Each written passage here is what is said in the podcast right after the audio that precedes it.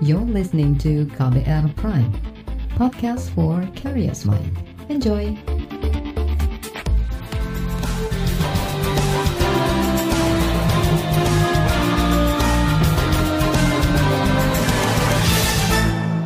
Anda mendengarkan KBR sore hari ini edisi 12 Mei 2022.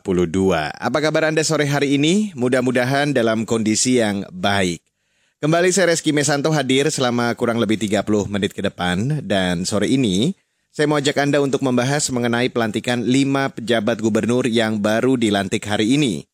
Lima pejabat itu mengisi kursi kepala daerah yang habis masa jabatannya pada bulan ini atau sebelum Pilkada 2024. Sebelum pelantikan, sejumlah pihak mendesak pemerintah untuk transparan dan mengikuti aturan dalam pemilihan pejabat, sebab proses pemilihan pejabat dinilai tertutup dan minim partisipasi publik. Kini mereka telah dilantik, pertanyaannya, apakah penunjukan nama-nama pejabat itu sudah sesuai aturan? Apa yang perlu dievaluasi dan bagaimana masyarakat mengawasi kinerja mereka? Kita bahas selengkapnya di KBR Sore. Saudara, lima pejabat gubernur dilantik Menteri Dalam Negeri Tito Karnavian pagi tadi. Kelimanya adalah Deputi Bidang Pengelolaan Potensi Kawasan Perbatasan di Badan Nasional Pengelolaan Perbatasan atau BNPP Paulus Waterpau sebagai pejabat gubernur Papua Barat. Kemudian Sekretaris Daerah Banten Al Muktabar sebagai pejabat gubernur Banten. Selanjutnya Dirjen Otonomi Daerah di Kemendagri Akmal Malik sebagai pejabat gubernur Sulawesi Barat. Dirjen Minerba di Kementerian SDM Ridwan Jamaludin sebagai pejabat Gubernur Bangka Belitung dan staf ahli bidang budaya sportivitas Menpora, Hamka Hendra Nur sebagai pejabat Gubernur Gorontalo. Mendagri Tito Karnavian. Proses yang kita lalui sesuai dengan aturan hukum yang ada. Baik Undang-Undang nomor 10 tahun 2016 tentang pilkada, kita tahu bahwa salah satu amanatnya adalah pilkada dilaksanakan serentak bulan November tahun 2024 dan itu berdampak berakhirnya masa jabatan para pejabat para gubernur hasil pemilihan tahun 2017 berakhir di tahun 2022 dan kebetulan lima gubernur pada waktu yang sama yaitu tanggal 12 Mei untuk itu sesuai dengan kekosongan diisi oleh penjabat. Dan pejabat ini sudah ditampaikan dalam undang adalah pejabat pimpinan tinggi mandiri mirip dengan eselon 1. Tito mengklaim proses seleksi sudah mempertimbangkan aspirasi dari tokoh masyarakat di daerah setempat. Kata dia, proses penentuan nama pejabat juga dilakukan secara demokratis. Kemendagri yang diberikan amanah undang-undang mengusulkan kepada Bapak Presiden kami melakukan penjaringan. Penjaringan memasukkan nama-nama calon dari kementerian lembaga, juga memasukkan dari tokoh-tokoh masyarakat, suara-suara lembaga-lembaga masyarakat, seperti misalnya dalam Papua Barat, Majelis Rakyat Papua Barat mengajukan nama-nama, juga di Banten dan lain-lain. Dan kemudian usulan itu kami sampaikan kepada Bapak Presiden dan Bapak Presiden melaksanakan sidang sidang tingkat akhir yang dipimpin langsung Bapak Presiden yang mengikuti oleh sejumlah menteri dan kepala lembaga. Jadi akan melakukan terjadi mekanisme yang cukup demokratis dalam sidang tersebut. Tito yakin pejabat-pejabat yang dipilih memiliki rekam jejak dan kemampuan yang baik. Dia berharap para pejabat bisa menjalin komunikasi apik dan mendukung program strategis nasional. Kemudian dalam rangka pelaksanaan tugas pagi, tadi sudah disampaikan sesuai undang-undang bahwa jabatan pejabat itu berlangsung atau dilaksanakan paling lama satu tahun dan undang-undang menyatakan dapat diperpanjang dengan orang yang sama atau orang yang berbeda. Oleh karena itu akan dilakukan mekanisme evaluasi sesuai undang-undang juga dan peraturan pemerintah para pejabat wajib untuk menyampaikan laporan pertanggungjawaban tugas per tiga bulan sekali kepada Bapak Presiden melalui Mendagri. Ini itu konteks gubernur. Bupati wali kota kepada Mendagri melalui gubernur. Demikian mekanismenya. Pemerintah menegaskan pertanggungjawaban para pejabat merupakan bentuk mekanisme kontrol. Menurut juru bicara Kemendagri Beni Irwan, pejabat bisa dicopot dari jabatannya jika hasil evaluasi buruk. Dan yang paling penting saya ingin tutup bahwa ini teman-teman ini penugasan, ya, yang paling lama hanya satu tahun, tiga bulan dapat dievaluasi. Jika memang fatal at any time bisa saja ditinjau ulang. Beni berjanji bakal terus meninjau dan menyempurnakan proses penunjukan pejabat, sebab masih ada ratusan pejabat yang akan dilantik. Menurutnya tidak menutup kemungkinan Kemendagri akan membuat peraturan pelaksana seperti yang disampaikan Mahkamah Konstitusi melalui pertimbangan hukumnya. Menurut Kemendagri, 48 kepala daerah akan habis masa jabatannya pada bulan ini. Rinciannya 43 bupati dan wali kota serta 5 gubernur. Sesuai aturan, pejabat gubernur berasal dari pimpinan tinggi media atau setara eselon 1. Sedangkan pejabat bupati atau wali kota berasal dari pimpinan tinggi pratama atau setara eselon 2. Ketentuan itu diatur dalam Undang-Undang tentang Pemilihan Kepala Daerah. Baiklah, kita break sejenak dan di bagian selanjutnya akan saya hadirkan laporan khas KBR yang akan membahas tantangan netralitas ASN pada pemilu 2024. Tetaplah di KBR sore. You're listening to KBR Pride, podcast for curious mind. Enjoy!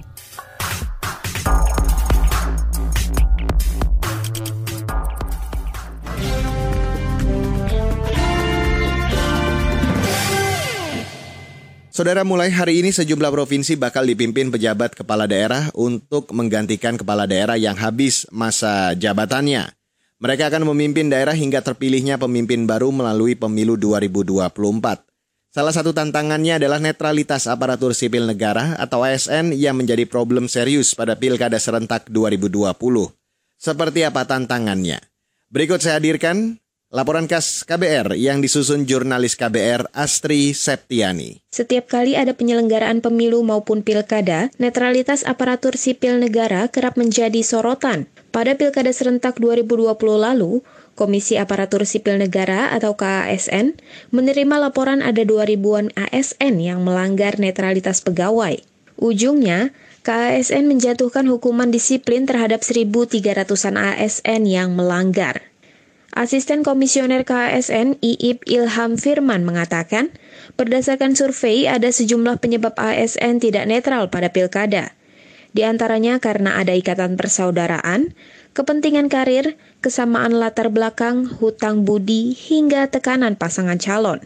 Sebanyak 62 persen responden juga mengakui kedudukan kepala daerah sebagai pejabat pembina kepegawaian atau PPK membuat ASN sulit bersikap netral pada pilkada yaitu tentang kedudukan kepala daerah sebagai pejabat bina kepegawaian menyebabkan ASN sulit bersikap netral dalam pilkada.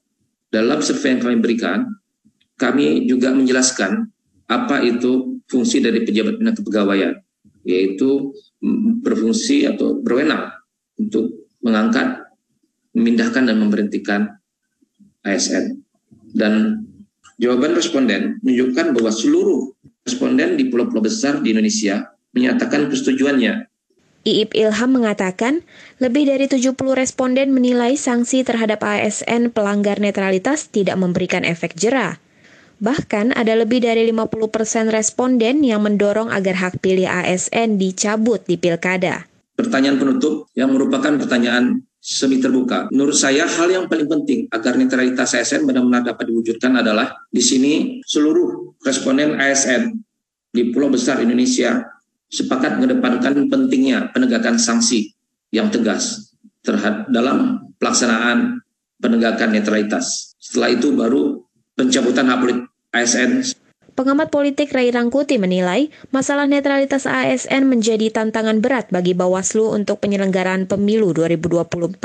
Ia menyebut adanya potensi pelanggaran netralitas ASN yang berulang, seperti halnya yang banyak terjadi saat pilkada serentak tahun 2020 lalu unprofesionalnya ASN. Kalau yang menarik di Pilkada 2020 yang lalu, selain maraknya politik uang, tapi politik identitas agak menurun, tapi kecenderungan ASN untuk berpihak itu makin terbuka. Jadi semakin mereka diadukan ke eh, katakanlah ke KSN gitu ya, Tetapi mereka nggak begitu takut dengan sanksi-sanksi yang diberikan gitu. Jadi ini punya potensi. Isu netralitas ASN juga disoroti oleh anggota Dewan Pembina Perkumpulan untuk Pemilu dan Demokrasi atau Perludem, Titi Anggraini. Ia meminta pemerintah memastikan netralitas penjabat kepala daerah dan juga ASN dalam pemilu serentak 2024 mendatang. Juga rekomendasi bagi Komisi Aparatur Sipil Negara (KSN) eh, perlu membentuk tim atau kelompok kerja khusus untuk mengawasi pengisian penjabat kepala daerah serta memastikan netralitas penjabat dalam penyelenggaraan pemilu dan pilkada 2024. Bukan apa-apa karena ternyata data eh, ASN yang tidak netral, baik karena eh, dipolitisir ataupun karena berpolitik praktis, itu angkanya cukup tinggi di pilkada 2020 lalu.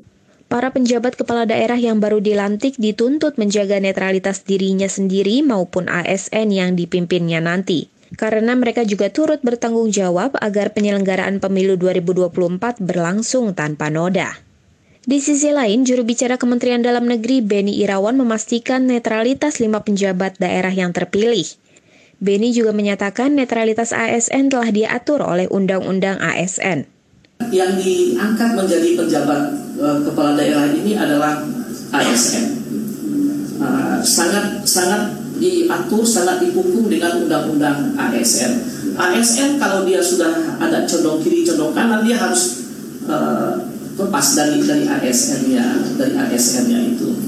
Jadi uh, satu itu kondisinya. Kondisi yang kedua uh, sidang TPA itu meyakini uh, uh, bahwa uh, tidak akan tidak ada uh, apa tendensi untuk seperti seperti itu.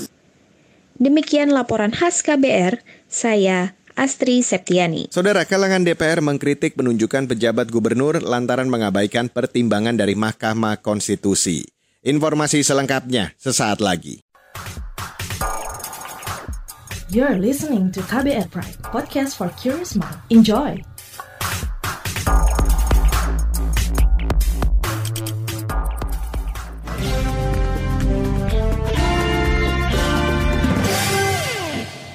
Saudara, pelantikan pejabat gubernur mendapat kritik dari kalangan anggota DPR. Menurut anggota Komisi Pemerintahan DPR, Mardani Alisera, sulit mengukur kesesuaian pejabat yang ditunjuk karena tidak ada peraturan pelaksana seperti yang didalilkan Mahkamah Konstitusi. MK dalam pertimbangan hukumnya menyampaikan perlu ada peraturan turunan sehingga tersedia mekanisme dan persyaratan yang terukur dan jelas sehingga pengisian pejabat tidak mengabaikan prinsip-prinsip demokrasi. Lantas, bagaimana evaluasi untuk penunjukan pejabat lainnya dan bagaimana mekanisme pengawasan yang terukur menurut DPR? Berikut saya hadirkan perbincangan jurnalis KBR Astri Yuwanasari bersama anggota Komisi Pemerintahan DPR Mardani Alisera. Pak mau minta tanggapan sedikit terkait pelantikan PJ Gubernur hari ini lima orang gitu Pak. Yang pertama eh, tentu ada unsur kemendesakan untuk dilantik karena per hari ini memang kepala daerah definitifnya habis masa jabatannya. Hmm. Jadi agar tidak ada kekosongan kekuasaan harus ada yang dilantik.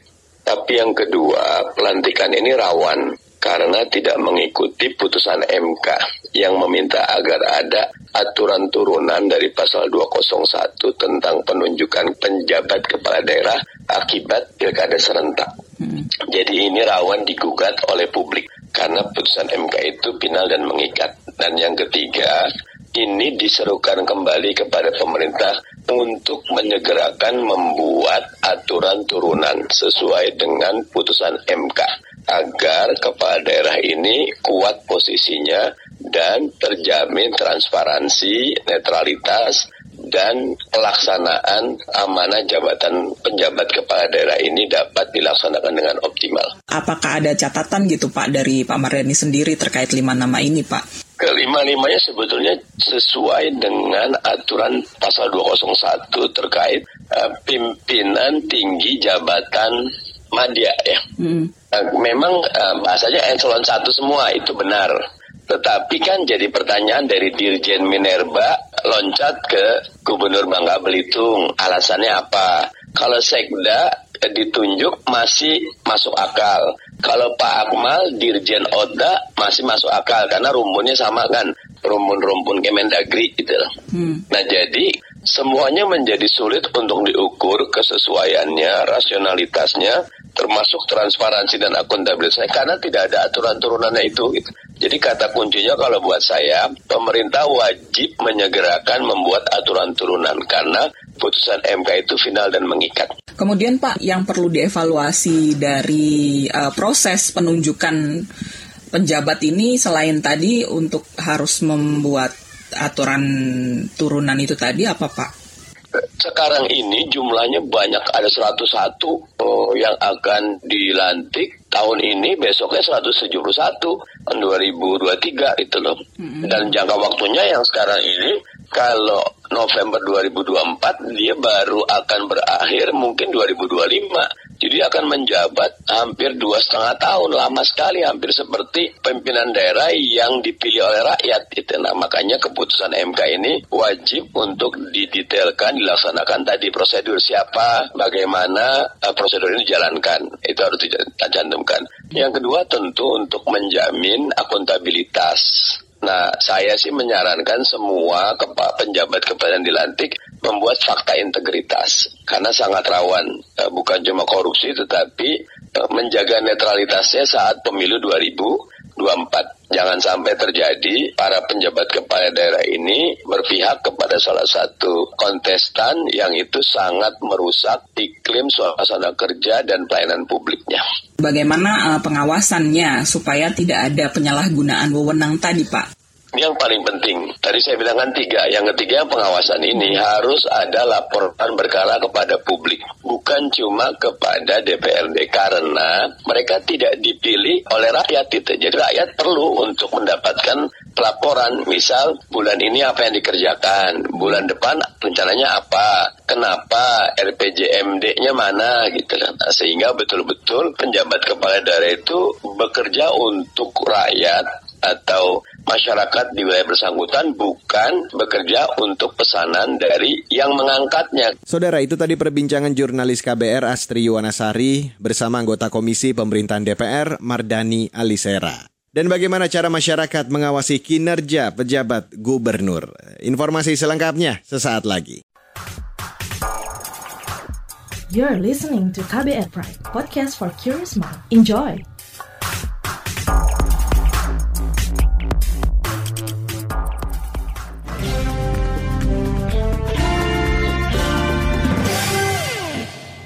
Saudara, pemerintah akhirnya melantik pejabat gubernur di sejumlah provinsi di Indonesia. Komite Pemantauan Pelaksanaan Otonomi Daerah atau KPPOD mendorong pemerintah membuat kerangka monitoring dan regulasi teknis sehingga capaian kinerja para pejabat bisa dievaluasi juga oleh publik. Dan untuk membahasnya, saya ajak Anda untuk langsung mendengarkan perbincangan jurnalis KBR, Reski Novianto, dengan Direktur Eksekutif KPPOD, Arman Suparman. Menurut Anda, bagaimana agar penjabat kepala daerah yang bertugas bisa independen dan bebas dari kepentingan politik, serta bagaimana cara pengawasan terhadap kinerja mereka? Eh, terkait dengan pengawasan itu, KPPOD eh, mendorong pengawasan eh, kolaboratif, Mas. Hmm. Dalam hal ini, pengawasan itu tidak hanya berjalan searah top down dari pemerintah pusat terhadap para penjabat ini, baik di level gubernur maupun di level uh, bupati dan wali kota, tetapi juga diawasi secara kolaboratif oleh komponen baik itu dari kalangan akademisi, kelompok masyarakat sipil termasuk media, kemudian komponen uh, dunia usaha gitu ya. Uh, dan juga tentunya yang paling kita harapkan adalah pengawasan dari DPRD itu sendiri, Mas. Gitu ya. Nah, agar pengawasan kolaboratif ini bisa berjalan optimal, bagi kami karena kita tahu sebagaimana yang disampaikan oleh Kemendagri sendiri nanti dievaluasi setiap uh, tiga bulan gitu ya karena itu kami mendorong kepada Kementerian Dalam Negeri untuk uh, mengeluarkan sebuah kerangka monitoring evaluasi ya semacam uh, variabel dan indikator penilaian yang itu mesti disampaikan kepada publik bila perlu dikuatkan dengan sebuah regulasi teknis ya terkait pada lima dimensi tata kelola yang kami lihat mulai dari kinerja terkait dengan perencanaan, kemudian penganggaran, kemudian dalam perancangan dan implementasi kebijakan daerah, dalam hal ini misalnya uh, perancangan peraturan daerah ataupun peraturan kepala daerah, kemudian dalam uh, kelembagaan dan yang terakhir terkait dengan uh, pelayanan publik gitu ya. Itu yang mesti dilihat oleh pemerintah pusat dan juga mesti diawasi oleh DPRD dan kelompok stakeholders di daerah yang saya sebutkan tadi itu. Menurut Anda, apa yang perlu dievaluasi dari penunjukan para penjabat ini, di mana pertimbangan dan saran MK soal peraturan pelaksanaan atau juklak tidak dilaksanakan? Kalau dari kacamata kami di KPPOD, seharusnya regulasi teknis terkait dengan uh, mekanisme ini perlu dikeluarkan karena konteks yang dihadapi oleh uh, para penjabat kepala daerah ini baik selama setahun ataupun dua tahun ke depan itu berbeda dari uh, konteks sebelumnya gitu ya, baik dari sisi durasi waktu maupun dari sisi tantangan tata kelola kebijakan gitu ya, yang mesti direspons oleh sebuah uh, regulasi yang mengatur mekanisme pemilihan pejabat kepala daerah itu yang akuntabel, transparan gitu ya. E, kalau kita bicara seperti apa partisipasi publik dan itu juga yang mungkin menjadi alat evaluasi untuk penunjukan penjabat kepala daerah bulan-bulan ini ke depan gitu ya. Karena kita tahu kan eh, langsung muncul nih lima nama itu ya. Ya meskipun kalau kita bicara dari sisi kapasitas dan integritas, mereka itu penjabat, eh, mereka itu eh, berasal dari pejabat yang sudah memenuhi kriteria sebagaimana Undang-Undang 10 tahun 2016 gitu ya dari level dirjen eselon 1 gitu ya. Menurut Anda, dari lima nama penjabat gubernur yang dilantik hari ini, apakah ada nama-nama yang rawan konflik kepentingan? Dan apakah penunjukannya sudah transparan dan akuntabel? Terkait dengan para penjabat ini, apakah menimbulkan atau berpotensi menimbulkan masalah atau konflik kepentingan di masa depan khususnya dalam satu tahun dua tahun ke depan gitu ya. Ya menurut kami ini sangat tergantung seperti apa proses monitoring dan evaluasi itu sendiri mas gitu ya. Kemudian yang berikutnya uh, masih banyak deretan para penjabat yang nanti uh, diangkat oleh pemerintah selama beberapa bulan ke depan gitu ya. Yang menurut kami yang mesti diperhatikan adalah soal uh, partisipasi publik tadi mas. Gitu ya, yang yang yang yang kalau kami evaluasi untuk lima penjabat hari ini ya tampaknya itu yang belum belum diperhatikan dengan baik gitu Mas. Saudara itu tadi perbincangan jurnalis KBR Reski Novianto dengan Direktur Eksekutif KPPUD Arman Suparman. Sesuai undang-undang tentang pemerintah daerah, pejabat gubernur yang dilantik memiliki sejumlah tugas dan kewenangan. Antara lain mengajukan rancangan perda, menetapkan perkada dan keputusan kepala daerah dan melaksanakan wewenang lain sesuai perundang-undangan. Sementara itu larangan yang antara lain memutasi pegawai, membatalkan perizinan yang telah dibuat pejabat sebelumnya, dan membuat kebijakan tentang pemekaran daerah yang bertentangan dengan pejabat sebelumnya. Dan informasi ini sekaligus menutup KBR sore untuk hari ini, edisi 12 Mei 2022. Terima kasih untuk Anda yang bergabung sore hari ini. Selamat kembali menjalankan aktivitas Anda dan ingat, pandemi belum usai, Selalu terapkan protokol kesehatan di mana pun Anda berada. Hindari kerumunan, kurangi mobilitas yang tidak terlalu penting, dan pastikan Anda tetap menggunakan masker bila Anda berada di ruang publik. Saya Reski Mesanto undur diri dari KBR Sore, salam.